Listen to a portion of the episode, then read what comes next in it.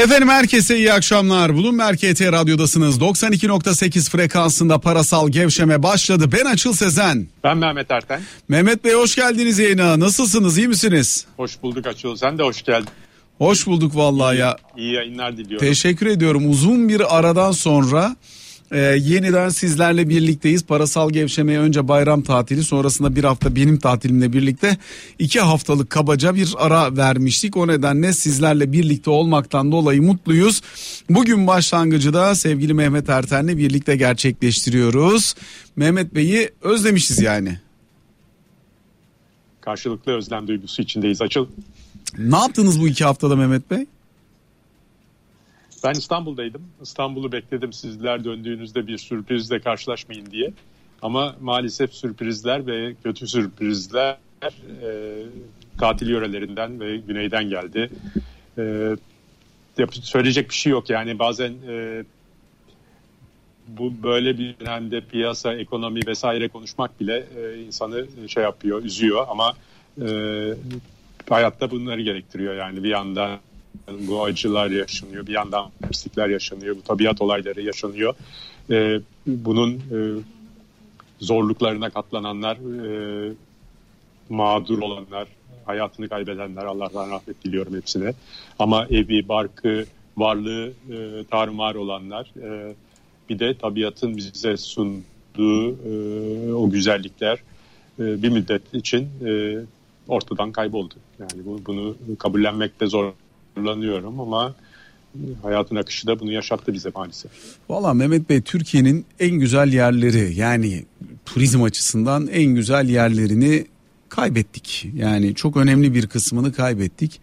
Elbette doğa kendini yeniliyor belli bir süre içerisinde hayat normale dönüyor falan ama yani planlı ve programlı olmak gerekliliğini bir kez daha gördüğümüz e, şu anda orada verilen mücadeleye zannediyorum kimsenin söyleyecek bir sözü olamaz. Herkes canının dişine takmış çalışıyor. Zaten olması gereken de budur.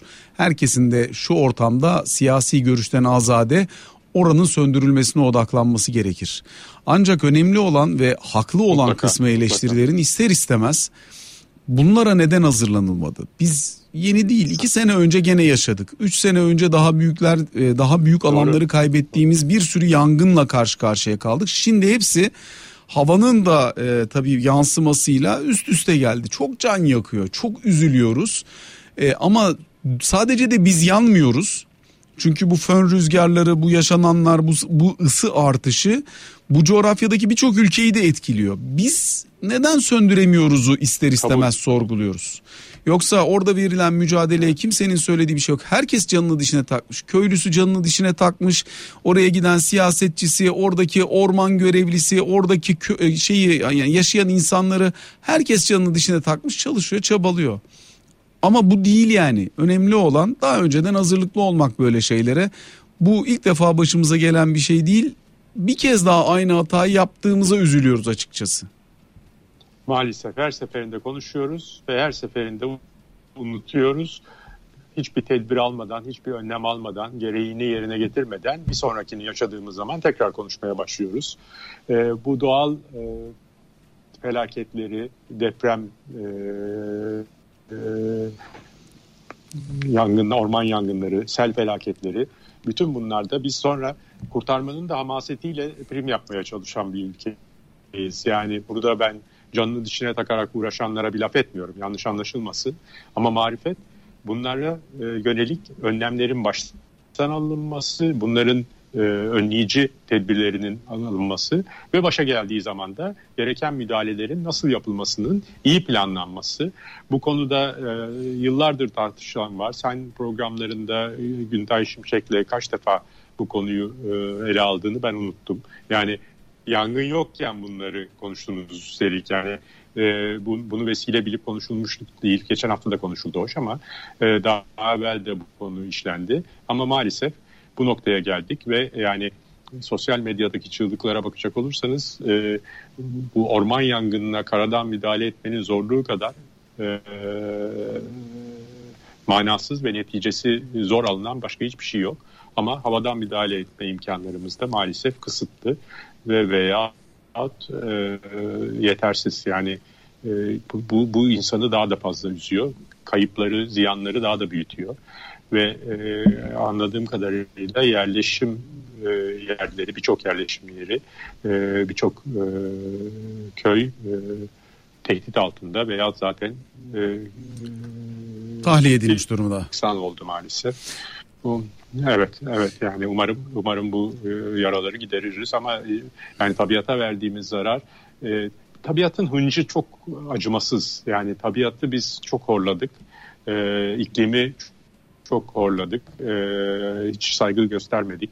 E, yani e, bazı değerler yeşil ekonomi, yeşil finansman, iklimle ilgili e, karbon ayak izi kavramlarını e, kimse kusuruma bakmasın e, akademik ve e, bu tabiri de maruz görün e, radyoda e, kullanıyorum. Antin kuntin işler gibi gördük. E, değil işte öyle yani. Bunlara gereken önemi, gereken ilgiyi, gereken yatırımı yapmadığın zaman ve buna saygısız, tab tabiata saygısız davrandığımız zaman sonu bu oluyor. Ben biliyorsun spor yapmayı seven bir insanım ve yaşadığım yer itibariyle de ormana çok giren çıkan ve ormanda spor yapan. Ormanda piknik yapanların arkasında bıraktıkları e, çöp, arkasında bıraktıkları ormana zarar verebilecek hele hele böyle bir bölgede yapıldığı zaman e, cam, plastik, e, teneke e, e, yığınlarının haddi hesabı yok. Yani içimden hırs o piknik yapanların o arkalarında bıraktıkları çöplüğü toplayıp onları takip edip evlerine onları götürüp salonların ortasına dökmek geliyor bazen. Ee, bu kadar mı duyarsızız? Bu kadar mı e, tabiata, bu kadar mı ormana saygısızız? Belki daha evvel de anlatmışımdır. Biz doğada kamp yap, yapıyoruz arada bir. Ee, bu son dönemlerde yapamadık haliyle. Ama kampın son bir saati mıntıkanın tam temizliğidir Ondan sonra da her gelen aracına en az bir veya iki çöp torbası alıp orada yarattığımız çöpü e, uygun noktalara taşımakla yükümlüdür. Bu, bu, bu böyle bir şey. Ama gel, gel gör ki biz e, hor kullanıyor o kadar acımasızız ki. Çünkü bir daha gittiğimiz yerde daha temiz bir noktayı buluruz. O bıraktığımız pis noktaya kendimiz bile, bile gitmiyoruz. Yani bu kadar duyarsızız bu işlere. Peki Mehmet Bey, e, tabii bu konu üzerine de diğer konular üzerine de daha çok konuşacağız. Fakat müsaade ederseniz bir bağlantımız olacak şimdi. Biraz kripto tabii, piyasasında tabii. neler olup neler bittiğine bakacağız. ALB Coin Araştırma Müdürü sevgili Helin Çelik bizlerle birlikte. Helin hoş geldin yayınımıza. Merhabalar Açıl Bey, hoş bulduk. İyi yayınlar. Teşekkür ediyoruz. Şimdi kripto evreninde neler olup neler bittiğini biraz soracağım sana. Zira e, özellikle geçtiğimiz haftayı hatırlayacak olursak bir 40 bin doların üzerine giden bitcoin, altcoinlerde ufak ufak hareketlenmeler görmüştük ama yeni haftaya başlarken pek o modda değil gibi görünüyor piyasa. Daha yukarıya gitme ihtimali neye bağlıyı biraz tartışalım istersen. Çünkü gelen bazı haberler var. İşte geçen hafta Aramco e, geliyor. İşte Amazon'la ilgili haberler geliyor falan diyerek değişik değişik birçok rivayet gördük. Bunların geneli yalanlandı ama e, Bitcoin kuvvetli kalmaya devam etti. Altcoin'lerdeki hareketlilik ve Bitcoin'in geleceğe dönük potansiyeli nasıl görüyorsun şu an? Evet dediğiniz gibi e, bu arada siz gitmeden önce Bitcoin dolar 30 binin altına sarkmıştı. Bu geçen süre içerisinde toparlanma izleri aslında e, periyoda baktığımız zaman devam ediyor. Ancak Cuma gününü satıcılı geçirdi ve hafta sonu e, aldığı ivme bir miktar yetersizdi. Bitcoin 42.500'leri test etti. E, ancak bu özellikle Bitcoin kanadında baktığımız zaman dominans oranındaki düşüş fiyatı baskılıyor. Yani normalde normal şartlar altında piyasadaki negatif haberler biraz absorbe edilmeye başlanmışken e, bir, bir miktar daha biz en azından 43-44 bin bandına kadar ilk etapta ivme kazanmasını sonra kademeli olarak e, belki de bir fiyatlama e, görmeyi bekleyebilirdik ancak Ethereum şu an için biraz daha yıldız konumunda bu şekilde bir ayrışma yaşanıyor tabanda ve hacmen zayıf olan altcoin'lerde toparlamaya başlıyor. Bitcoin açısından bakacak olursak 38 binlere kadar olan e, fiyatlama bizim açımızdan olağan karşılanabilir olarak görülüyor. Yukarıda ise 42.700 42.500 bandının kırılması aslında biraz daha itici güç olacak. Onun dışında yeni zirve yaparak e, ve yeni bir de, dip denemesi yapmayarak gitmesini umacağız. E, süreç içerisinde tabii bazı sansasyonel haberler çıktı. Amazon'un e, yalanladığı bir takım haberler vardı. Ve küresel bir borsa olan Binance'in yaşadığı bazı durumlar vardı. Bu tabii bir, bir miktar e, alıcıların en azından gücünü, direncini kırmış oldu ama bir diğer kanattan da e, Bitcoin'in kendi içerisindeki yatırımcıların da farklı coinlerdeki cazibenin artmasıyla da bir geçiş yaşadığını görüyoruz. Ethereum şu an itibariyle en sıcak habere sahip olan e, kripto para birimi e, ve güzel bir hareket var açıkçası. Hard fork öncesinde ki sizin aracılığınızla duyuruyorduk biliyorsunuz Londra hard fork'unu bekliyoruz Ağustos'ta diye. E, tarih geldi çattı diyebiliriz. E, hard fork öncesinde de güzel yukarı yönlü hareketlilik meydana geldi. Bu arada bu e, bahsettiğimiz hard fork 5 Ağustos'ta gerçekleşecek. Türkiye saatiyle e, 14.55 sularında yaşanacak. Tabii ki bu bizim saatimize denk gelen bir dilim. Her şey sorunsuz ilerlerse belki sonrasında kısmi bir e, kar realizasyonu da görebiliriz. E, ama sorunsuz ilerlerse e, 2-0 için önemli bir kilometre taşı tamamlanmış olacak diyebiliriz. Helin ee, peki bu bunu bilmeyenler için birçok kısaca özetler misin? Ne demek yani Ethereum'da bunun olması? E, ne bekleniyor bunda? Nasıl oluyor o? Böyle bir bir dakikada özetle desem nasıl özetlersin? Tabii tabii. E, şimdi 2.0 güncellemesi pay kanıtı dediğimiz Proof of Stake algoritmasının benimsenmesiyle alakalı. Bununla birlikte e, bazı zorluk bombaları getirecek ve madenciliğin kendiliğinden e, bitirilmesine ve paya dayalı bir ödül mekanizmasının başlatılmasını, işlem ücretlerinin kısıtlanmasını e, sağlayacak şimdi bu güncelleme. Ancak tabanı hazır etmemiz gerekiyor bizim ve dolayısıyla Ethereum bu 2.0'ı tamamlayana kadar belli periyotlarda çatallanmalar yapıyor. Güncellemeler yapıyor ki e, her güncelleme bir, bir adım daha asıl istenen hedefe götürüyor bizi. Londra Hard Fork'u da bunlardan bir tanesi. E, tabii ki de direkt olarak e, zorluk bombası ge- gelecek diye bir şey yok ama maliyetler büyük oranda e, ve tıkanıklık büyük oranda e, azaltılmış olacak, çözülmüş olacak. Bundan sadece işte belli periyotlarda rakipler çıkarak bunu manipüle etmeye çalışarak fayda sağlamaya çalışıyor. Ancak Ethereum şu ana kadar gayet e, iyi korudu e, diyebiliriz pozisyonunu, konumunu. E, ana haliyle bu şekilde özetleyebiliriz hard forkları en azından ama şimdi yatırımcı genelde bunu öncesinden pozitif fiyatlıyor ama hard fork'tan sonra bazen başarılı geçse dahi e, kar satışları yapıyor. Çünkü bir belirsizlik ortamı e, oluşmuş oluyor. E, buna sadece yatırımcıların dikkat etmesinde yarar görülüyor. Onun dışında balinaların yani bireysel yatırımcı e, kanızına hani küçük küçük yapılan alımlar dışında çok yüklü miktarda yapılan alımlara baktığımızda son e, bir, bir iki haftadır ciddi miktarda Ethereum'u portföylerine kattıklarını biz gözlemliyoruz. Hatta e, arzın %39.2'si balinalarda. Evet. Bu da tabii e, bir miktar risk doğurmuyor mu? Doğuruyor. Çünkü yüklü miktarda yapılan alımlar bize fayda sağlıyor. Ancak bir de bunun satış dönemi, satış periyodu var. O yüzden balina hesaplarının da yatırımcı kanadından takip edilmesi gerektiğini düşünüyoruz. Çok çok teşekkür ediyoruz. Ee, sevgili Helin görüşmek üzere diyoruz. Ben teşekkür ederim. İyi yayınlar. Mehmet Bey kripto paraları takip ediyor musunuz? Hala mı etmiyorsunuz? Hala etmiyorum. Ya açıl yani e, saygısızlık etmek istemiyorum bunu takip edenlere ama bir gazete ilanındaki eleman arayışıyla bir e, e, varlığın değeri e, yüzde ondan fazla oynuyorsa e, yarım günde yalanlanmasıyla da bir tekrar geri dönüyorsa buralardaki e, yatırımcılara ben e, Allah güç versin Allah e, sabır versin ve e, ne diyeyim e, bu, bu oynaklıklara karşı direnme e, kapasitesi versin diyorum. Yani tabii yani, yok böyle yüzde on kripto bir, varlık e, piyasası evet. için e, yüksek bir oynaklık değil. Tamam. Yani bizim ben, ben kaldıramıyorum. O ha zaman. bizi bizim günlük piyasa işleyişi açısından baktığımızda çok anormal tabii de. Yani kur %10 gitse kriz çıkar. Bir hisse %10 gitse tavan yapar. Ama kriptoda bu öyle değil aslında. Gün içi oynaklıklar çok yüksek olabiliyor Güzel. hakikaten.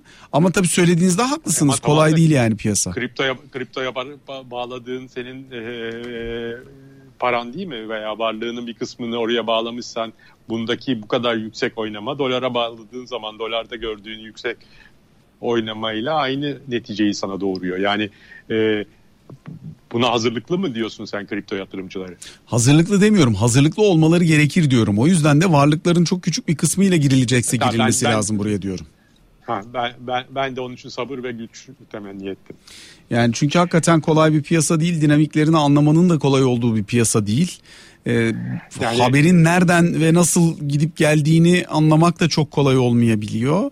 O yüzden yani girecekseniz hakikaten öğrenip girmek lazım. Başka türlü çarpılırsınız yani. Ee, e, tabii tabii tabii yani kesin o, o, orası öyle bilmediğin e, bir suya e, girmek tehlikeli. Peki dolar dediniz. Türk lirasındaki değer kazancını nasıl görüyorsunuz Mehmet Bey? 8.35 dolar TL, 9.93 euro TL. Ee, ay son bir ay içerisinde yüzde dört Türk lirasının değer kazancı. Doğru. Ee, tabii bunu e, bir kere bayram öncesi bu gelişme ve başladığı zaman ben bunu e, Kurban Bayramı'ndaki nakde olan ihtiyacın bir yansıması olarak e, e, düşündüm. Hatta böyle bir paylaşımda da bulundum kendimce. Ve e, bu hafta da bu paylaşımda ne kadar hatalı olduğumu ve yanıldığımı ifade ettim. E, belli ki e, sene başından beri yaşanan e, ihracattaki artış hızıyla ithalattaki artış hızının dış ticaret açığını yaklaşık %11, %12 seviyelerde düşürmüş olması artı e, turizmde döviz girdi, e, girişlerinin başlamış olması turizmin açılmasıyla birlikte en azından Temmuz ayında bu bunu sağlayan önemli etmenlerden biri. Artı e, küresel gelişmelerde de bir yardım aldık. Küresel gelişmelerde de e, Fed'in son toplantısındaki güven güvercin duruşun devamı e, varlık alımlarına devam edeceğinin e, en azından Powell tarafından ifade edilmesi dolar endeksinin bunun bir yansıması olarak geldiği nokta bu manada e, küresel destek açısından da değer e, verdi. Belki e, petroldeki e, Suudilerle e, Birleşik Arap Emirlikleri'nin anlaşması ve o artış hızının biraz yavaşlaması da biz ve bizim gibi e, enerji bağımlısı, enerjide ithala bağımlı ülkelere bir artı değer getirdi. Cari açığın e, sonuçta beklenenden daha iyi çıkmasına yönelik bir beklenti yarattı. Bütün bunlar birleşti ve e, son haftalarda, son ayda yaşanan bu iyileşme ortaya çıktı. Ben bunun devamından biraz endişeliyim. Ee, inşallah burada da. Onu ifade ederek söyleyeyim. Çünkü e, önümüzdeki dönemde e, yarın açıklanacak enflasyon bir kere e, politika faizindeki reel faiz e, gerçeğini e, değiştirebilir veya çok inceltebilir hatta ortadan kaldırabilir endişesini taşıyorum. Enflasyonla ilgili beklentilerimde e, 19 politika faizinin bu manada e, kuru savunmak için yeterli olmayacağı endişesini taşıyorum. E, bunlar benim bu yaşananların geçici olduğuna dair e, düşünceye sevk ediyor. Bir başka şey daha söyleyeyim yalnız. Biz sene başında 7.20'lerdeydik. 8.80'lere neredeyse 9'lara yaklaştıktan sonra 8.35'lere 8.40'lara indik. Ee, hala 8.40'lar 8.30 35'ler. Şimdi bir hesap yaparak e, konuşmuyorum ama yılbaşından beri yaşanan enflasyonla en azından resmi enflasyon rakamlarıyla e, doğrulanan bir e, kur artışı veya değer kaybını temsil etmiyor. Dolayısıyla biz hala çok ciddi kurda darbe yemiş bir para biriminden bahsediyoruz. Onun için de bu ve buna benzer iyileşmeler hala bize asıl e, arzu ettiğimiz noktaya getirmekten daha uzakta. Ama varsın öyle olsun. Hiç olmazsa bu e, iyileşme kalıcı olsun, devamlı olsun. Çünkü E, kur geçişkenliğinin de enflasyon üzerindeki baskıları anladığım kadarıyla bugün özellikle kanalda dinlediğim birkaç yorumcudan e, bu ay ve önümüzdeki ay gözükecek. E, bu, bu, kurdaki baskılanma belki fiyat, e, fiyatlandırmada davranışları biraz düzelterek bize e, enflasyon cephesinde yardımcı olur diye ümit etmek istiyorum. Peki Mehmet Bey 3 e, dakikalık bir reklam aramız var onu verelim. Sonrasında 0212 Peki. 255 59 20 numaralı telefondayız. WhatsApp'tan da 0536 266 81 81 numaralı telefondayız. Dönüşte size biraz bankaları soracağım. Yani hazır piyasadan konuşmaya başlamışken Türkiye'deki bankaların fiyatlamalarını nasıl görüyorsunuz? Bu fiyatlamaları hak edecek bir bankacılık sektörü var mı yok mu biraz buna dair görüşlerinizi almak isterim. Ama 3 dakikalık bir aradan sonra. Efendim tekrar sizlerle birlikteyiz. Bloomberg HT Radyo'da parasal gevşeme devam ediyor. Ben Açıl Sezen. Ben Mehmet Erten. Mehmet Bey bankalardaki fiyatlamaları soracağımı söylemiştim yayın evvelinde. E, reklam evvelinde daha doğrusu. Temelde soracağım soru da şu açıkçası. Bizim şu an itibariyle bankalarımızın fiyat defter değeri oranlarına bakacak olursak 0.4'lere kadar gerilemiş. İş Bankası'ndan bahsettim mesela ben bugün yayında. İş Bankası'nın piyasa değeri iştiraki olan şişe camla aynı seviyeye gelmiş. Garanti Bankası'nın piyasa değeri bundan bir buçuk yıl önceki piyasa değeriyle kıyaslandığında neredeyse üçte bir gerilemiş. Şimdi bunlar tabii büyük ve önemli değişiklikler. Toplam sektörün fiyat defter değeri oranına bakarsak 0.4. Evet. Bu çok anormal bir tablo gösteriyor bize. Fakat bir yandan da bankaların bilançolarına, karlılıklarına bakıyoruz. Öz sermaye karlılıkları neredeyse yüzde yirmilere gelmiş. Bugün Mete Yüksel'le de aynısını konuştum. O yüzden sizin de takip görüşünüzü ettim, söylemek, ettim, sormak isterim. Ettim, Bu ettim. şekilde bakarsanız bankalardaki fiyatlamalar mı doğru? Yoksa bankaların karları mı doğru? Bir dakika. Ee, bence ikisi de doğru ama biri e, hak edilen bir e, durumu yansıtmıyor. Daha doğrusu yüzde kırkında olması defter değerinin kabul edilebilir bir e, durum bence değil. Ama bu acaba borsamızın içinde bulunduğu durumun bank fiyatlamasına yansıması e, mı daha ziyade buna et, etki ediyor? Yoksa bankaların ve sektörün içinde bulunduğu durumun piyasa oyuncuları ve banka yatırımcıları tarafından nasıl algılandığı mı buna etki ediyor? Ee, benim kanaatim ikisinin bir e, bileşimi ama daha ziyade bankalarımız hem likiditesi yüksek hem e, yabancı yatırımcı e, oranı her zaman daha fazla olmuş hisse senetlerindendi. Yabancı borsadan çekildikten sonra kalan yatırımcılar bankalarda aynı iştahı göstermediler. Veyahut o, o güçte değiller. O sabırda değiller. en azından böyle düşünüyorum ben. Yoksa e, biraz evvel ifade ettiğin gibi ilk çeyrek karlarını açıklayan özellikle özel sektör bankalarının o performanslarıyla bu fiyatlamanın birbirini doğrular bir tarafı bence yok. E, peki e, BDDK'nın özellikle salgınla beraber aldığı ve raporlama açısından bankaları rahatlatan kararları acaba bu endişenin bir e, temeli mi e, dersen mutlaka bu ortadan kalktıktan sonra banka e, bilançolarına bir yansıması olacaktır. Ama bence bu daha ziyade kamu e, sal sermayeli bankalarda daha yoğun görülecektir.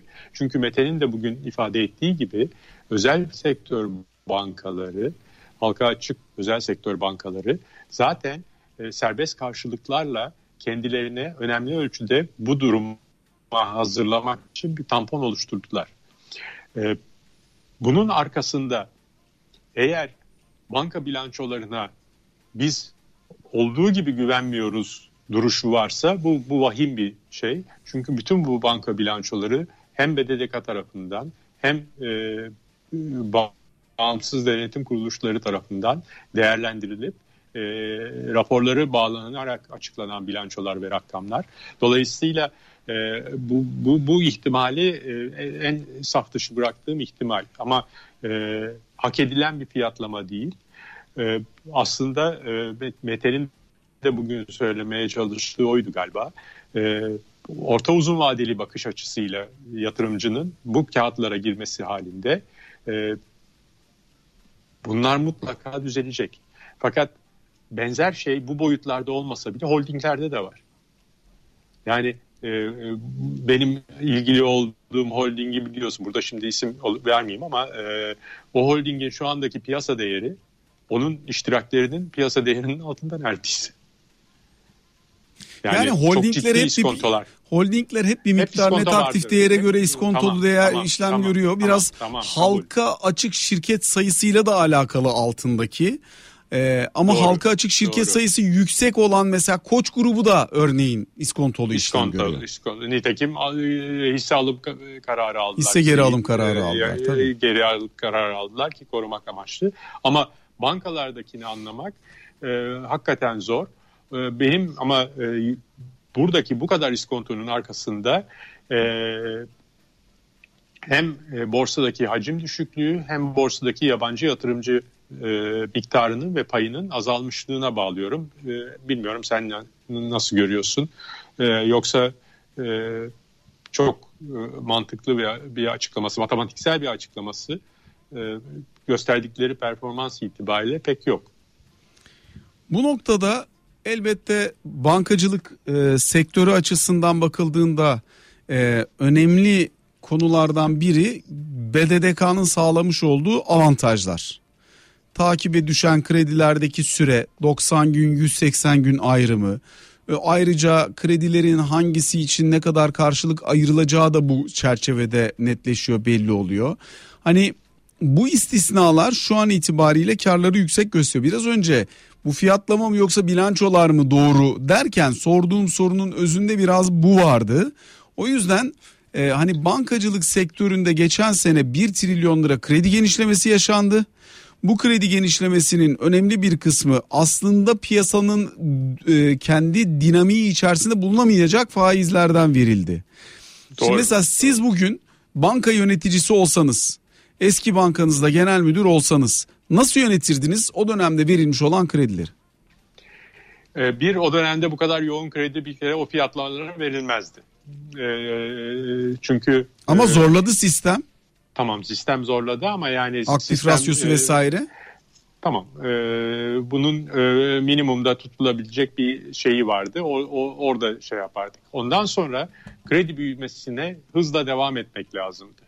E, ki paçal dediğimiz e, getirileri e, toparlamak. Çünkü bazı krediler özellikle o dönemde verilen e, krediler tekrar fiyatlanabilir türden krediler değildi. Ama e, e onların maliyetini oluşturan mevduat ayda bir yenilenerek bugünkü cari fiyatlara ve seviyelere geldi. Dolayısıyla e, ancak portföyü büyüterek bir noktaya getirip e, maliyeti e, pozitife ya faiz marjını pozitife çıkaracak hamleyi yapmak e, gerekirdi. Bugün de e, biraz evvel ona baktım. Özellikle ticari krediler tarafında e, kredi talebi çok düşük. Yani toplam kredilerin 13 haftalık hare, e, hareketli ortalamasında büyüme trendi %7-7,5'lar civarında. Bu e, bu tempoyla e, bu portföyün getirisini normalleştirecek şeye gelmek zor. Ee, benim iyi bilmediğim ki Mete'nin e, senle olan e, görüşmesinde vardı.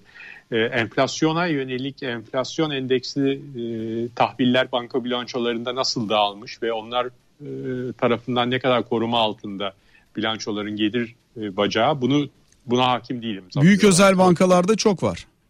Evet işte onlar oradan ciddi e, koruma alıyorlar. En azından e, marj garantisi altında gidiyor diyelim şeyleri e, aktiflerinin bir kısmının getirisi. Ama kredilerde özellikle kamu bankaları muazzam bir negatif e, faiz marjındalar. Bir de üstelik kredi faaliyetlerini de durdurdukları için neredeyse birçok e, sahada iyicene zorlanacaklar diye düşünüyorum orada. Peki bir yandan da e, şimdi diyelim ki bir müşteriniz var. Banka banka yöneticisisiniz yine. İlle beni o banka yöneticisi pozisyonuna getirip bir soru soracaksın. Deneyim oradan. tamam pekala. O yüzden. Pekala. pekala. Şimdi banka yöneticisisiniz. Bir müşteriniz var. Müşteri de belli bir noktaya gelmiş. Yani onca belli yıllık hukuk gelmiş. belli hayır onca hukukunuz var. Ama zorlanıyor. Yani Türkiye'nin son 3 senesinden dolayı zorlanıyor. Belli bir öz sermaye karlılığı var istihdam sağlıyor. Bir miktar kaybetmiş sermayesini. Ne yaparsınız böyle bir durumda? Geçen sene de vermişsiniz ona kredi. Şimdi zorlanıyor mesela. Ee, daha evvel de bunu konuştuk. Ee, bankacılıkta kredi vermek e, temel bir görev. Zaten bankacı kredi vermek için e, faaliyete başlar. Mevduat toplamak için değildir. Kredi vermek için başlar. Mevduatta onun kaynağını oluşturur. Ama yeniden yapılandırmak veya belirli aşamalarda verilmiş kredilerle ilgili düzeltmelere gitmekte işin bir parçası. Türkiye'de bu e, çok iyi yönetilebilen bir husus değil ve e, bazen e, ve biz bankacılar zorda gördüğümüz müşteriden ilk çıkarak paçayı kurtarmayı da marifet biliriz. Halbuki o ilk çıkan bir, bir tane daha çıkışı zorladığı zaman zaten firma iyice ne probleme girebilir. Ee, burada e, yapılması gereken ekonomiye tekrar kazandırılacağına inandığımız müşterilere desteği bir şekilde sürdürmektir. Madem sordun bizim geçmiş dönemde e, Burgan Bank'ta yani benim e, yöneticisi olduğum bankada Rusya ile yaşanan turizmle ilgili krizde bütün e, turizmle ilgili kredilerimizde biz neredeyse ön ayak olarak bir yeniden yapılandırma yaptık ve e, onları tekrar e, canlı ve e, faal tutmaya özen gösterdik ve birçoğu da başarıyla bu bu dönemi atlattılar. Ama tabii turizm e, o salvoyu atlattıktan bir müddet sonra bir de salgın salvosunu yiyince tabii şu anda e, çok kolay bir şeyden de bahsetmiyorum. Ama e, temelde iyi niyetine ve e, ekonomiye katkısına güvendiğimiz firmaları desteklemeye azami özen göstermemiz lazım bankacılar olarak. Gücümüzün de sınırlarını bilerek tabii. Yani e, bazen gücümüzün ötesinde bir şey yaptığımız zaman o e, sermayedarımıza hak etmediği bir yük de getirebilir. Burada tabii bankacılık sektörü açısından da işler e, zorlayıcı. E, aynı zamanda yine şirketler açısından da zorlayıcı. Fakat sanayi şirketlerinde çok kuvvetli bir momentum görüyoruz. Siz de görüyor musunuz? Yani işler iyi Aynen. gidiyor. Evet evet evet evet. Sanayi hele hele ihracata yönelik ve veyahut fiyatlamasında dövizi kullanabilen işte demir çelik gibi vesaire e, imalat sanayinde işler bayağı iyi gidiyor. Şimdi mesela geçen sene verilen kredilerin faizi düşük kalmış falan olabilir ama bu şirketlerde de böyle bir iyileşme var. Dolayısıyla borçlar da ödenecek gibi görünüyor. Yani en azından bunu, bu sene için öyle. Bunu daha evvel de ifade ettiğim zannediyorum programda veya bir vesileyle yayınlardan birinde. Geçen sene sağlanan çok ucuz, olması gerekenden daha ucuz kredileri sanayi kesimi çok iyi kullandı. Bunu bunu takdir etmek lazım. Yani hem iyi kullandılar hem de o krediler hedefe e, vardı ama e, hedefi saptıran ve başımıza bir sürü dert açan da kullanımlar oldu. Bunu da kabul etmemiz lazım.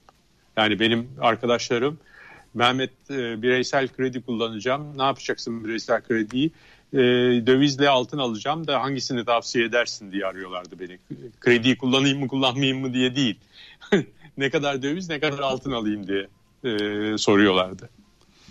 Tabii şimdi bütün bunlar büyük sıkıntı. Yani Tabii bunlar e, hepsi hepsi başımıza dert oldu maalesef. Ama şu da var. O krediyi alıp döviz ve altın almış olan da para kazanmış oldu. Dolayısıyla kredi gene ödenecek. E, Burada mesele ama e, kredinin ödenip öde, ama yalnız e, borsaya giren de oldu yalnız. yani bir de onlar var. Borsaya giren de kötü getiri elde etmemiş olmalı ama. Bir müddet sonra bilemiyorum. Yani ya parayı tam, geçen takip- sene taşı toprağı altındı Mehmet Bey. Nereye koysanız para kazandınız.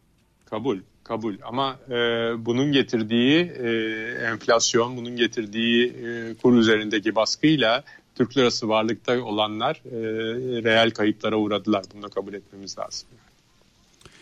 Peki döviz tutma iştahınızda bir eksilme, azalma var mı? E, maalesef yok şu anda. Ne olursa olur. Enflasyonla ilgili kalıcı e, bir e, iyileşme trendini görmem lazım bir. İki, e, para politikasının e, sıkı ve e, enflasyon üstü bir reel faiz e, uygulayan e, politika faiz e, çizgisinden e, sapmayacağına inancı e, tam görmem lazım. E, bu arada yani fiyat istikrarı konusunda e, geçen haftaki toplantıda ifade edilen topyekün hareket tek başına Merkez Bankası'na bu ihale edilmemelidir gibi başkanın e, serzenişlerinin bir kısmına katılıyorum. Ama birincil vazifenin, birincil e, sorumluluğun e, Merkez Bankası'nda olduğunu da unutmayalım. Burada e, sık yönetim değişiklikleri e, ve e, alınan kararların e, doğru olsa bile e, hep arkasında bir şüpheyle acaba ne zaman faiz indirecekler? İlk fırsatta faiz indirilecek mi?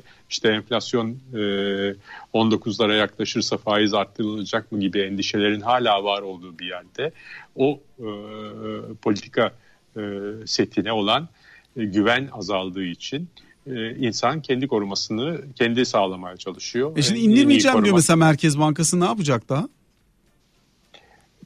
Yani indirmeyeceğim demiyor da söylüyor yani hangi koşulda indireceğini.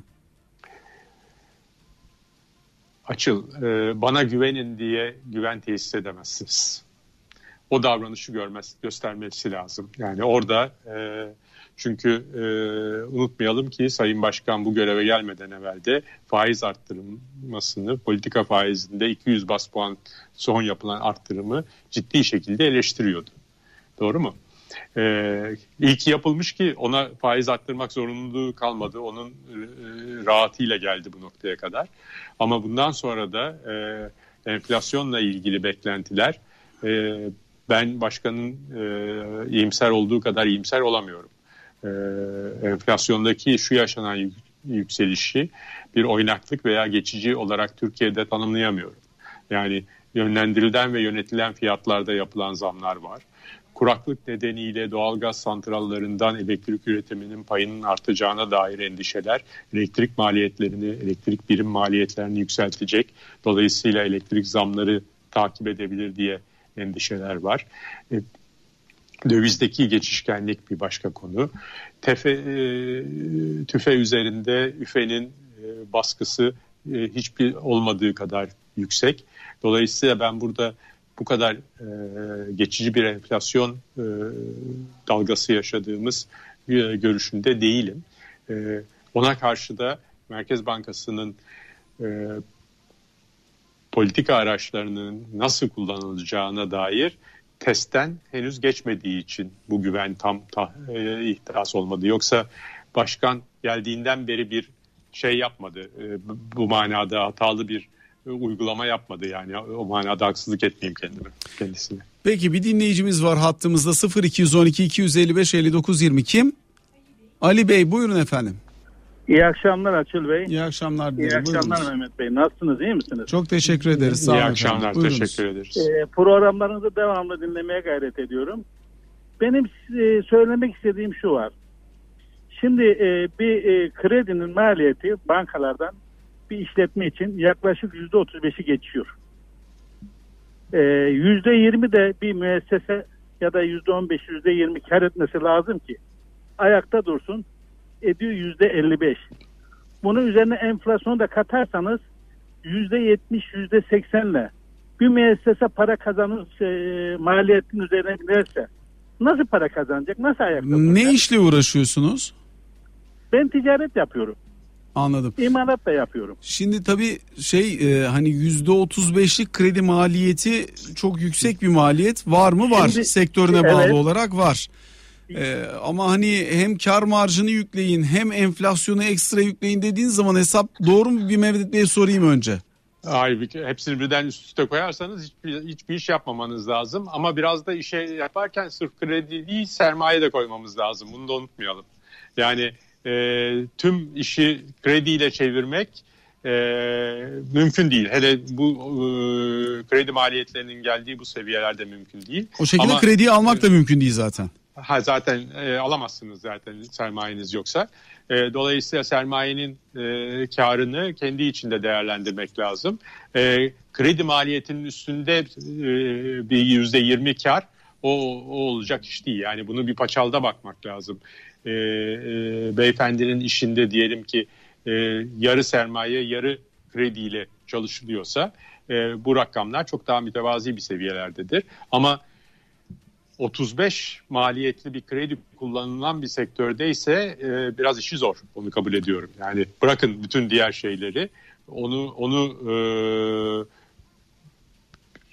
karla servis etmek ancak kredinin payı toplam finansmanın içinde yüzde yirmilerdeyse falan belki mümkün olabilir.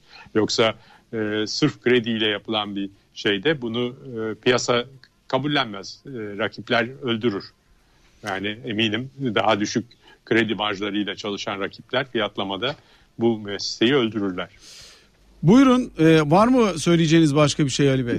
Şimdi e, yüzde otuz beş çok derken şunu ben izah etmek isterim tabii ki. Şimdi aldığınız krediyi aylık olarak hemen ödemeye başlıyorsunuz. Bunu yıllık bazda vurduğunuz zaman yüzde otuz beşi de geçiyor. Bir de e, şunu yapmak lazım diye düşünüyorum ben.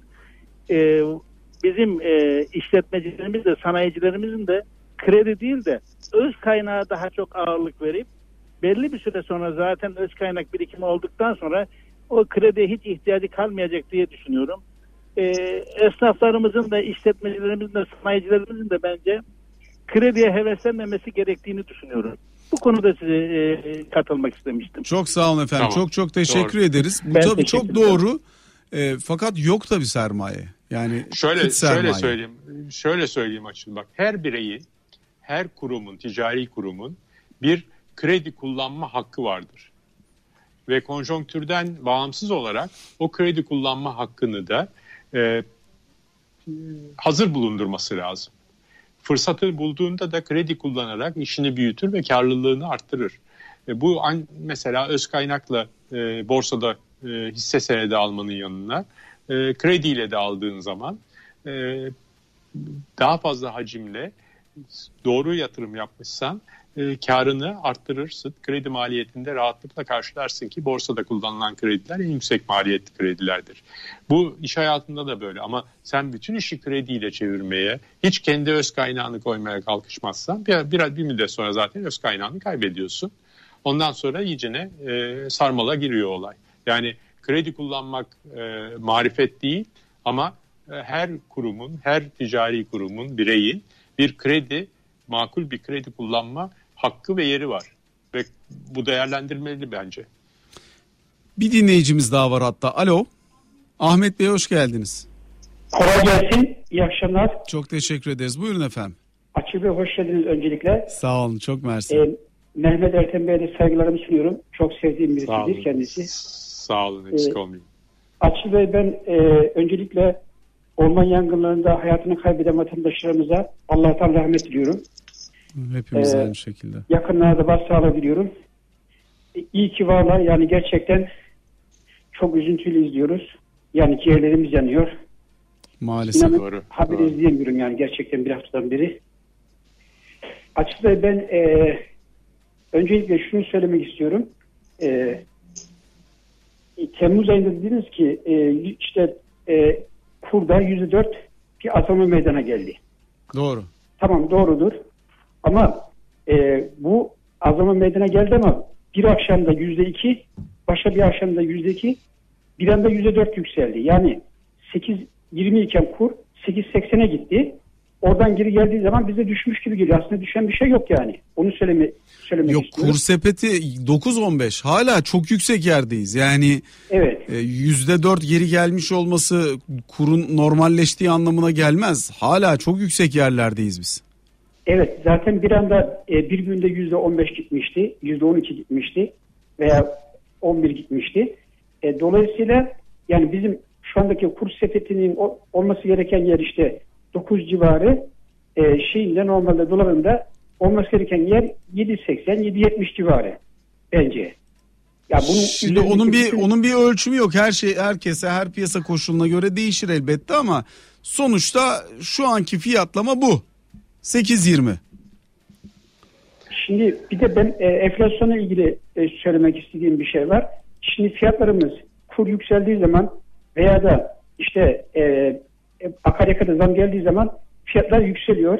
Fakat kur düştüğü zaman fiyatlar e, akaryakıt düştüğü zaman da e, şey fiyatları düşürmüyorlar. Yani artık bizim Türkiye'deki insanlarımız, esnafımız e, alışmışlar zam yapmaya.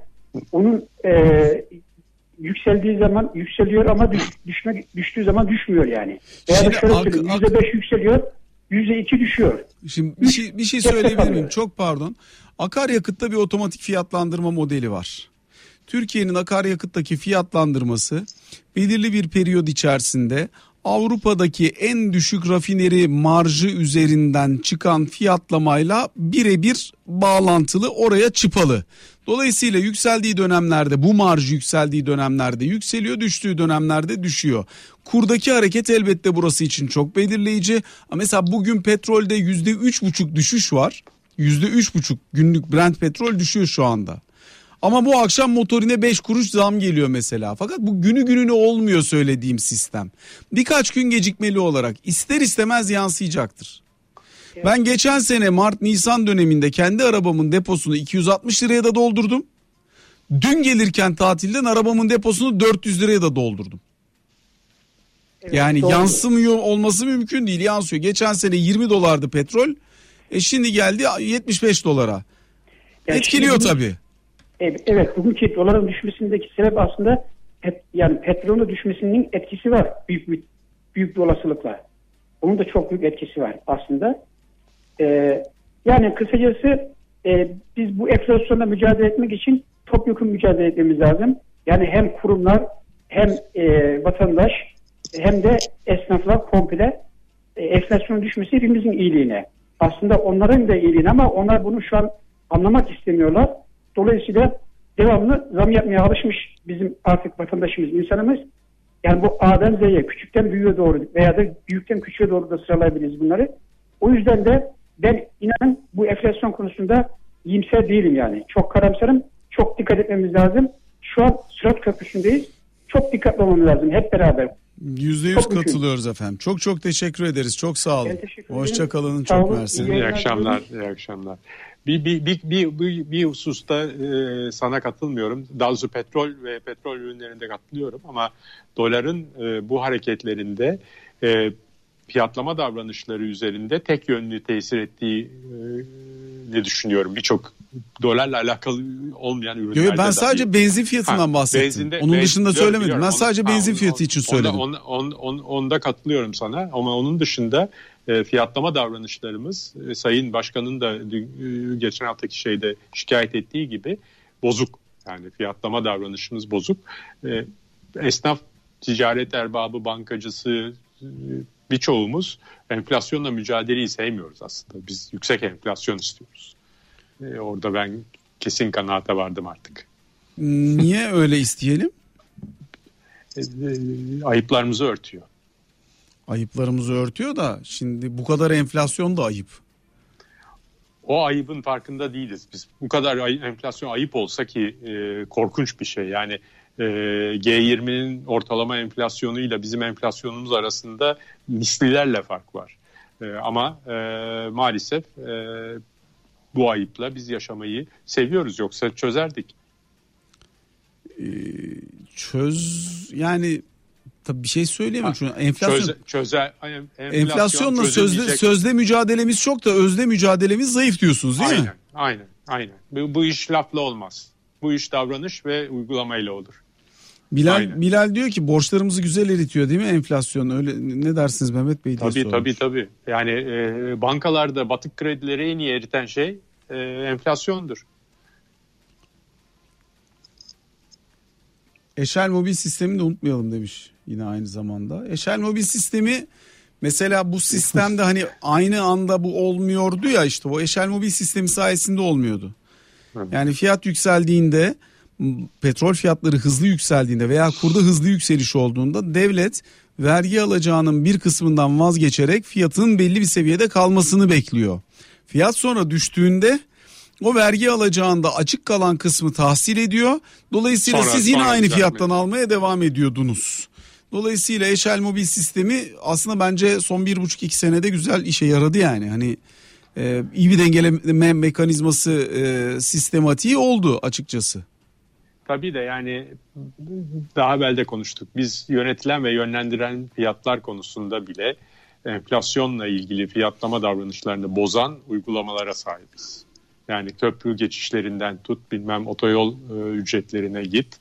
E, elektrikli, doğalgazlı, oydu buydu e, bunlara yapılan e, zamlar e, şeyler e, iç- içki ve tütün ürünler üzerindeki ayarlamalar hepsi bizim hedeflediğimiz enflasyonun misliyle üstünde yapılan zamlar.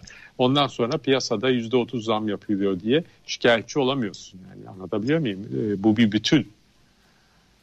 Bu bir bütün. Birazı olmuyor yani bunun. Biraz mücadele edeyim. Hayır hayır Olmuyor. olmaz öyle bir şey. Tek tek müca tek taraflı mücadeleyle olmaz. Azıcık mücadeleyle mış gibi göstererek olmuyor ve bu e,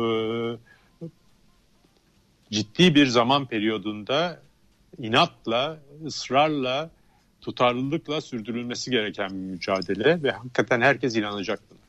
Son bir dinleyicimiz daha var Mehmet Bey. Alo. Hayrettin Bey. İyi akşamlar diliyorum ben. İyi akşamlar. Buyurun efendim. Ben e, uzun zamandır sizleri takip ediyorum. E, ben inanıyorum ki Türkiye'de en çok dinlenen, izlenen bir programsınız. Sizin sayenizde açık öğretim işletmeye başladım.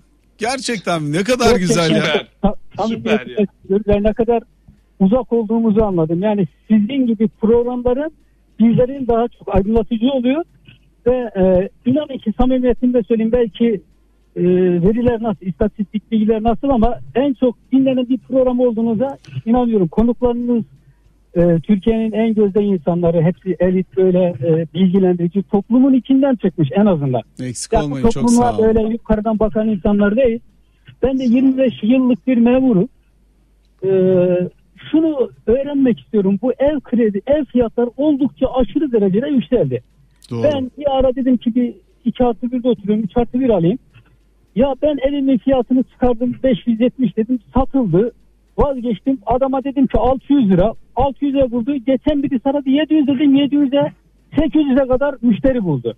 Ya diyorum ki böyle bir neden bu konut fiyatları aşırı derecede yükseliyor? Yani bir problem ne bizde?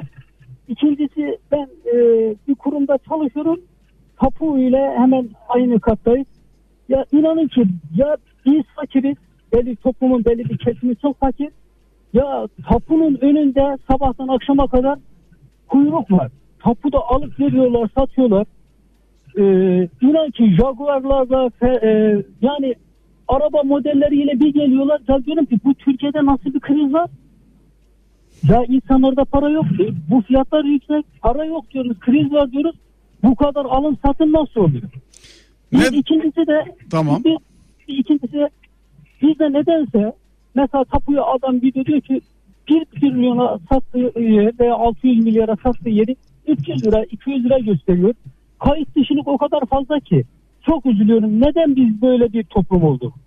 Yani bunun nedeni ne yani? Bizden niye böyle bir... Valla eskiden de bundan çok farklı değildik. Ben bildim bileli Türkiye'de tapu değeri düşük gösterilir. Evet. Ee, yani bu maalesef Türkiye'de devletin büyük bir eksiği.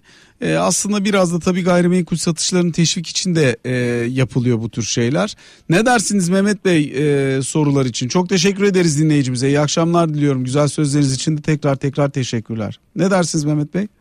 Bir kere öncelikle be- beyefendiyi tebrik ediyorum. Ee, öğrenmenin, kendini geliştirmenin ne yaşının ne sınırının olmadığını İnanılmaz bu kadar canlı ne kadar güzel bu ya. kadar canlı bir örneği e, az bulunur. Hakikaten böyle tüylerimi ürpererek e, bunu söylüyorum. Süper çünkü ben herkesin her yaşta kendini geliştirmeye açık olması ve devamlı öğrenme e, çakrasını yüksek tutması gerektiğine inananlardanım. Yoksa çağ dışı olursunuz. Mehmet Bey Hele benim şeyimi benim şeyimi gördünüz mü siz hiç? Neyini? Ee, Twitter hesabımdaki e, tanıtım yazısını gördünüz mü? Ne Dur diyor? La- ne diyorum biliyor musunuz? Lifetime student. Ha, ömür boyu tamam. öğrenci. Tabii tabii tabii. tabii. Ya, Benim hepimiz hayat öyleyiz, mottom, hayat mottom odur. Herkese de tavsiye ederim.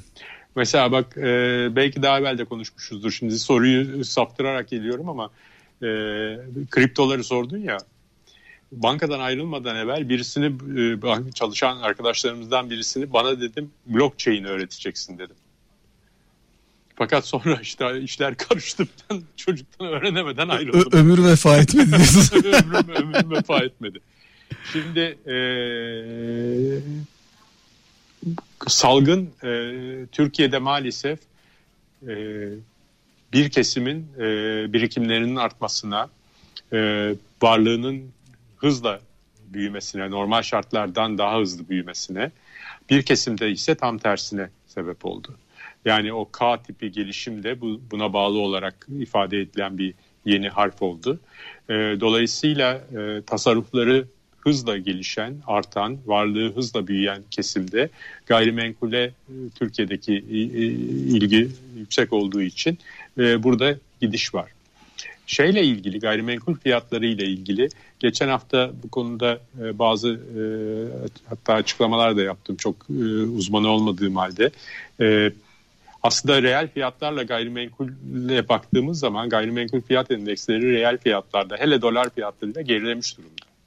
Ama nominal fiyatlarda cari fiyatlarla hakikaten çok yükseldi. Çünkü maliyetler de çok arttı. Özellikle girdi maliyetleri yani sen şimdiye kadar ben hatırlamıyorum en azından e, kontrplak fiyatının veya kereste maliyetinin MDF. MDF'nin bu kadar tartışıldığı bir dönemi hatırlıyor musun? Ben hatırlamıyorum. Ee, çelik fiyatları, demir çelik fiyatları, MDF fiyatları, temel girdi fiyatlarında muazzam artışlar var. Dolayısıyla inşaat maliyetleri e, ciddi yükseldi.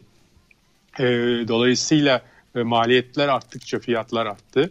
İkinci elde fiyatlar geçen seneki yoğun kampanyalar nedeniyle çok yükseldi, arttı ve e, buradan bir e, yeni e, platform oluştu. Ama satışlar da devam ediyor bir yandan.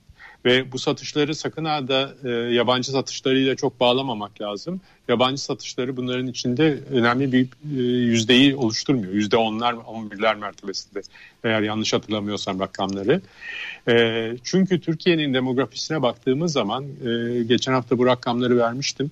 E, yaklaşık evlilikler ve boşanmalar. Bir tek buna maalesef ölüm e, demografisine hakim değilim. Ölüm sayılarıyla düzeltmiyorum.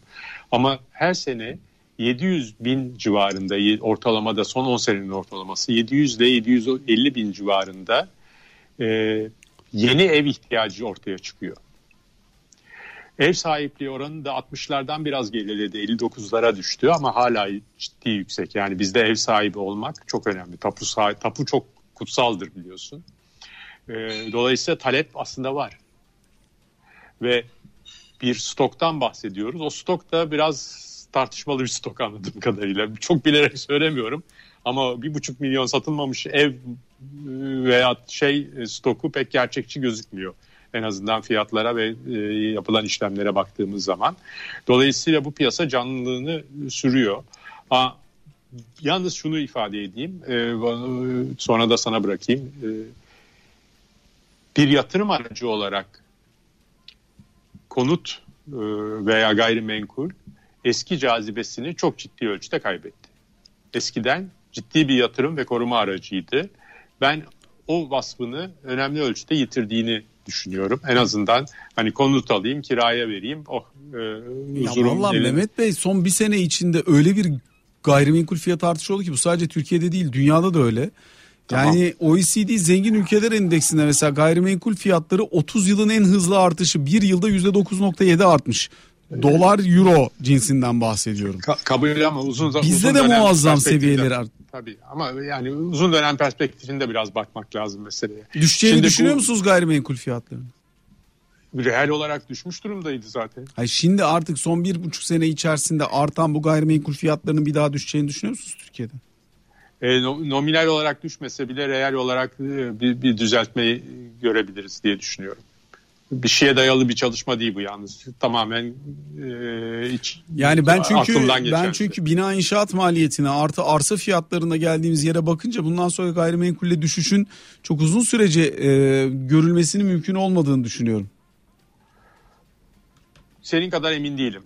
Yani biliyorsun benim orada, oradaki ilgimi dolayısıyla doğru senin doğru olmanı temenni ediyorum ama e, o kadar emin değilim. Hani ticari taraf için söylemiyorum ben. Ti- Konut tarafı için söylüyorum Tabii özellikle. kon- kon- ihtiyaç sahiplerine yönelik e, konut imalatında bir başarı var ama ticari taraf çok zorlanacak. Pekala Mehmet Bey çok çok teşekkür ediyoruz. Bu akşam Ben bizlerle te- birlikte olduğunuz. Ben e, teşekkür ediyorum. Gününüzü değiştirmemize rağmen bizi kırmayıp koşa koşa eve döndüğünüz için. Mehmet Bey tatil yapacak mısınız? Var mı imkan? Bakalım kısmet Eylül'de belki. Öyle mi? Yani inşallah bütün bu şey biter, sona erer. Ee, sıkıntıların hepsi çözülür. İnşallah. Ee, yangınların hepsi bir an evvel söner. Ya ya tabii yani bizim tatilimizden önemli. Bir de yani e, şimdi uzatıyorum defa ama e, bu e, Suriyeli bir göçmen vardı karaya e, vurmuştu hatırlıyor musun? E, Aylan Bodrum Bebek. sahiline. Aylan Bebek. Ben onun e, telef olduğu botu o zaman teknemle tatile çıktığımda gördüm. Kahrolmuştum yani sonra haberi gördüm. Yani ben tatile bunun- gidiyorum. bundan büyük- onlar bundan can- büyük acı yoktu yani. Şimdi oralar yanıyor. Sen orada tatil yapıyorsun falan. Çok çok büyük çelişki bunlar yani hayatımızda yaşanan. İnsanın bazen e, ne- nasıl davranacağını, ne yapacağını şaşırıyor yani. Evet neyse. Çok çok teşekkür ediyoruz Mehmet Ben Bey. teşekkür Kendinize iyi ediyorum. bakın. Akılcığım. Sen de Hoşçakalın. İyi akşamlar iyi- efendim. İyi yayınlar sağ ol. Ee, ben inanıyorum ki Türkiye'de en çok dinlenen, izlenen bir programsınız. Sizin sayenizde açık öğretim işletmeye başladım. Gerçekten ne kadar güzel ya. Süper. Ta- tam Süper ya. ne kadar uzak olduğumuzu anladım. Yani sizin gibi programların bizlerin daha çok aydınlatıcı oluyor ve e, inanın ki samimiyetimle söyleyeyim belki e, veriler nasıl, istatistik bilgiler nasıl ama en çok dinlenen bir program olduğunuza inanıyorum. Konuklarınız e, Türkiye'nin en gözde insanları hepsi elit böyle e, bilgilendirici toplumun içinden çıkmış en azından. Eksik Ya bu olmayın çok sağ olun. böyle yukarıdan bakan insanlar değil. Ben de 25 yıllık bir memurum. Ee, şunu öğrenmek istiyorum. Bu ev kredi, ev fiyatları oldukça aşırı derecede yükseldi. Doğru. Ben bir ara dedim ki bir 2 artı 1'de oturuyorum. 3 artı 1 alayım. Ya ben evimin fiyatını çıkardım 570 dedim satıldı.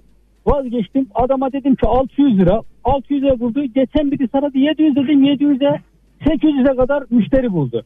Ya diyorum ki böyle bir neden bu konut fiyatları aşırı derecede yükseliyor? Yani bir problem ne bizde? İkincisi ben e, bir kurumda çalışıyorum. Tapu ile hemen aynı kattayız. Ya inanın ki ya biz fakiriz. Belli toplumun belli bir kesimi çok fakir. Ya tapunun önünde sabahtan akşama kadar kuyruk var. Tapuda alıp veriyorlar, satıyorlar. Ee, inan ki Jaguar'larla fe- e, yani araba modelleriyle bir geliyorlar. Ya diyorum ki bu Türkiye'de nasıl bir kriz var? Ya insanlarda para yok. E, Bu fiyatlar yüksek. Para yok diyoruz. Kriz var diyoruz. Bu kadar alım satım nasıl oluyor? Ne- Bir ikincisi de Tamam. bir, bir ikincisi bizde nedense mesela tapuya adam gidiyor diyor ki 1 trilyona sattığı yer veya 600 milyara sattığı yeri 300 lira 200 lira gösteriyor. Kayıt dışılık o kadar fazla ki. Çok üzülüyorum. Neden biz böyle bir toplum olduk? Yani bunun nedeni ne yani? Bizden niye böyle bir... Valla eskiden de bundan çok farklı değildik. Ben bildim bileli Türkiye'de tapu değeri düşük gösterilir. Evet. Ee, yani bu maalesef Türkiye'de devletin büyük bir eksiği. Ee, aslında biraz da tabii gayrimenkul satışlarının teşvik için de e, yapılıyor bu tür şeyler. Ne dersiniz Mehmet Bey e, sorular için? Çok teşekkür ederiz dinleyicimize. İyi akşamlar diliyorum. Güzel sözleriniz için de tekrar tekrar teşekkürler. Ne dersiniz Mehmet Bey?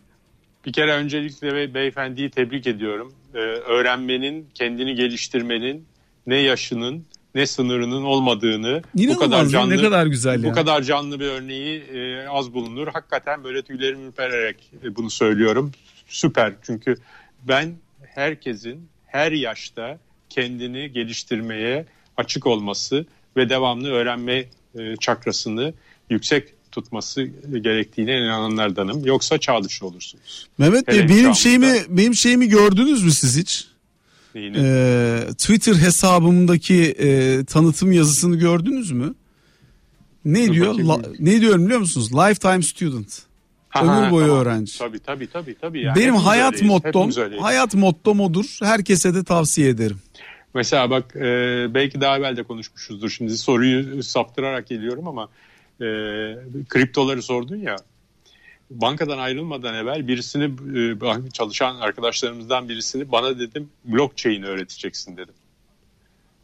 Fakat sonra işte işler karıştı. Ben çocuktan öğrenemeden Ö- ayrıldım. ömür vefa etmedi diyorsun. ömrüm, ömrüm vefa etmedi. Şimdi e, salgın e, Türkiye'de maalesef e, bir kesimin e, birikimlerinin artmasına, e, varlığının hızla büyümesine, normal şartlardan daha hızlı büyümesine, bir kesimde ise tam tersine sebep oldu. Yani o K tipi gelişim de bu, buna bağlı olarak ifade edilen bir yeni harf oldu. E, dolayısıyla e, tasarrufları hızla gelişen, artan, varlığı hızla büyüyen kesimde gayrimenkule e, Türkiye'deki i- ilgi yüksek olduğu için e, burada gidiş var. Şeyle ilgili gayrimenkul fiyatları ile ilgili geçen hafta bu konuda e, bazı e, hatta açıklamalar da yaptım çok e, uzmanı olmadığım halde. E, aslında reel fiyatlarla gayrimenkule baktığımız zaman gayrimenkul fiyat endeksleri reel fiyatlarda hele dolar fiyatlarıyla gerilemiş durumda. Ama nominal fiyatlarda cari fiyatlarla hakikaten çok yükseldi. Çünkü maliyetler de çok arttı. Özellikle girdi maliyetleri yani sen şimdiye kadar ben hatırlamıyorum en azından e, kontrplak fiyatının veya kereste maliyetinin MDF. MDF'nin bu kadar tartışıldığı bir dönemi hatırlıyor musun? Ben hatırlamıyorum. Ee, çelik fiyatları, demir çelik fiyatları, MDF fiyatları, temel girdi fiyatlarında muazzam artışlar var. Dolayısıyla inşaat maliyetleri e, ciddi yükseldi. E, dolayısıyla e, maliyetler arttıkça fiyatlar arttı. İkinci elde fiyatlar geçen seneki yoğun kampanyalar nedeniyle çok yükseldi, arttı ve e, buradan bir e, yeni e, platform oluştu. Ama satışlar da devam ediyor bir yandan. Ve bu satışları sakın ha da e, yabancı satışlarıyla çok bağlamamak lazım. Yabancı satışları bunların içinde önemli bir e, yüzdeyi oluşturmuyor. Yüzde onlar, on birler mertebesinde eğer yanlış hatırlamıyorsam rakamları. E, çünkü Türkiye'nin demografisine baktığımız zaman e, geçen hafta bu rakamları vermiştim. E, yaklaşık evlilikler ve boşanmalar. Bir tek buna maalesef ölüm e, demografisine hakim değilim. Ölüm sayılarıyla düzeltmiyorum. Ama her sene 700 bin civarında ortalamada son 10 senenin ortalaması 700 ile 750 bin civarında e, yeni ev ihtiyacı ortaya çıkıyor. Ev sahipliği oranı da 60'lardan biraz geriledi 59'lara düştü ama hala ciddi yüksek. Yani bizde ev sahibi olmak çok önemli. Tapu, sahibi, tapu çok kutsaldır biliyorsun. E, dolayısıyla talep aslında var. Ve bir stoktan bahsediyoruz. O stok da biraz tartışmalı bir stok anladığım kadarıyla. Çok bilerek söylemiyorum. Ama bir buçuk milyon satılmamış ev e, veya şey e, stoku pek gerçekçi gözükmüyor. En azından fiyatlara ve e, yapılan işlemlere baktığımız zaman. Dolayısıyla bu piyasa canlılığını sürüyor. Aa, yalnız şunu ifade edeyim. sonra da sana bırakayım. Bir yatırım aracı olarak konut e, veya gayrimenkul eski cazibesini çok ciddi ölçüde kaybetti. Eskiden ciddi bir yatırım ve koruma aracıydı. Ben o vasfını önemli ölçüde yitirdiğini düşünüyorum. En azından hani konut alayım, kiraya vereyim. Oh, e, huzurum vallahi elim- Mehmet Bey son bir sene içinde öyle bir gayrimenkul fiyat artışı oldu ki bu sadece Türkiye'de değil dünyada da öyle. Tamam. Yani OECD zengin ülkeler endeksinde mesela gayrimenkul fiyatları 30 yılın en hızlı artışı bir yılda %9.7 artmış. Dolar euro cinsinden bahsediyorum. Ka- kabul ama uzun zaman Bizde de muazzam seviyeler art. Tabii ama yani uzun dönem perspektifinde biraz bakmak lazım meseleye. Düşeceğini Şimdi düşünüyor bu- musunuz gayrimenkul fiyatlarını? Reel olarak düşmüş durumdaydı zaten. Hayır şimdi artık son bir buçuk sene içerisinde artan bu gayrimenkul fiyatlarının bir daha düşeceğini düşünüyor musunuz Türkiye'de? E, no- nominal olarak düşmese bile reel olarak e, bir, bir düzeltmeyi görebiliriz diye düşünüyorum. Bir şeye dayalı bir çalışma değil bu yalnız. Tamamen e, iç, Yani ben çünkü ben şey. çünkü bina inşaat maliyetine artı arsa fiyatlarına geldiğimiz yere bakınca bundan sonra gayrimenkulle düşüşün çok uzun sürece e, görülmesinin mümkün olmadığını düşünüyorum. senin kadar emin değilim.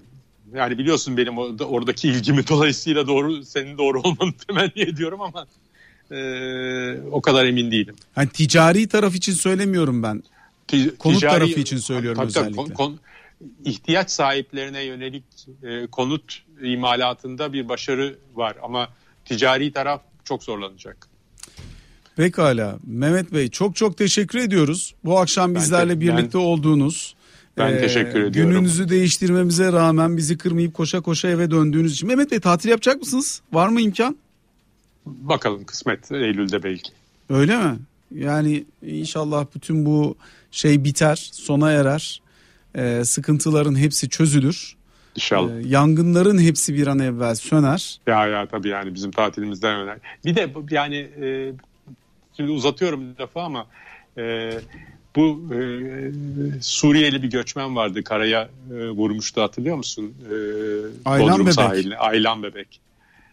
Ben onun e, telef olduğu botu o zaman teknemle tatile çıktığımda gördüm. Kahrolmuştum yani sonra haberi gördüm. Ah, Yani ah, ben bu- tatile bundan gidiyorum. büyük- onlar bundan büyük acı yoktu yani. Şimdi oralar yanıyor. Sen orada tatil yapıyorsun falan. Çok çok büyük çelişki bunlar yani hayatımızda yaşanan. İnsanın bazen e, ne- nasıl davranacağını, ne yapacağını şaşırıyor yani. Evet neyse. Çok çok teşekkür ediyoruz Mehmet Ben Bey. teşekkür Kendinize ediyorum. iyi Açılcığım. bakın. Sen de Hoşçakalın. İyi akşamlar iyi- efendim. İyi yayınlar sağ ol.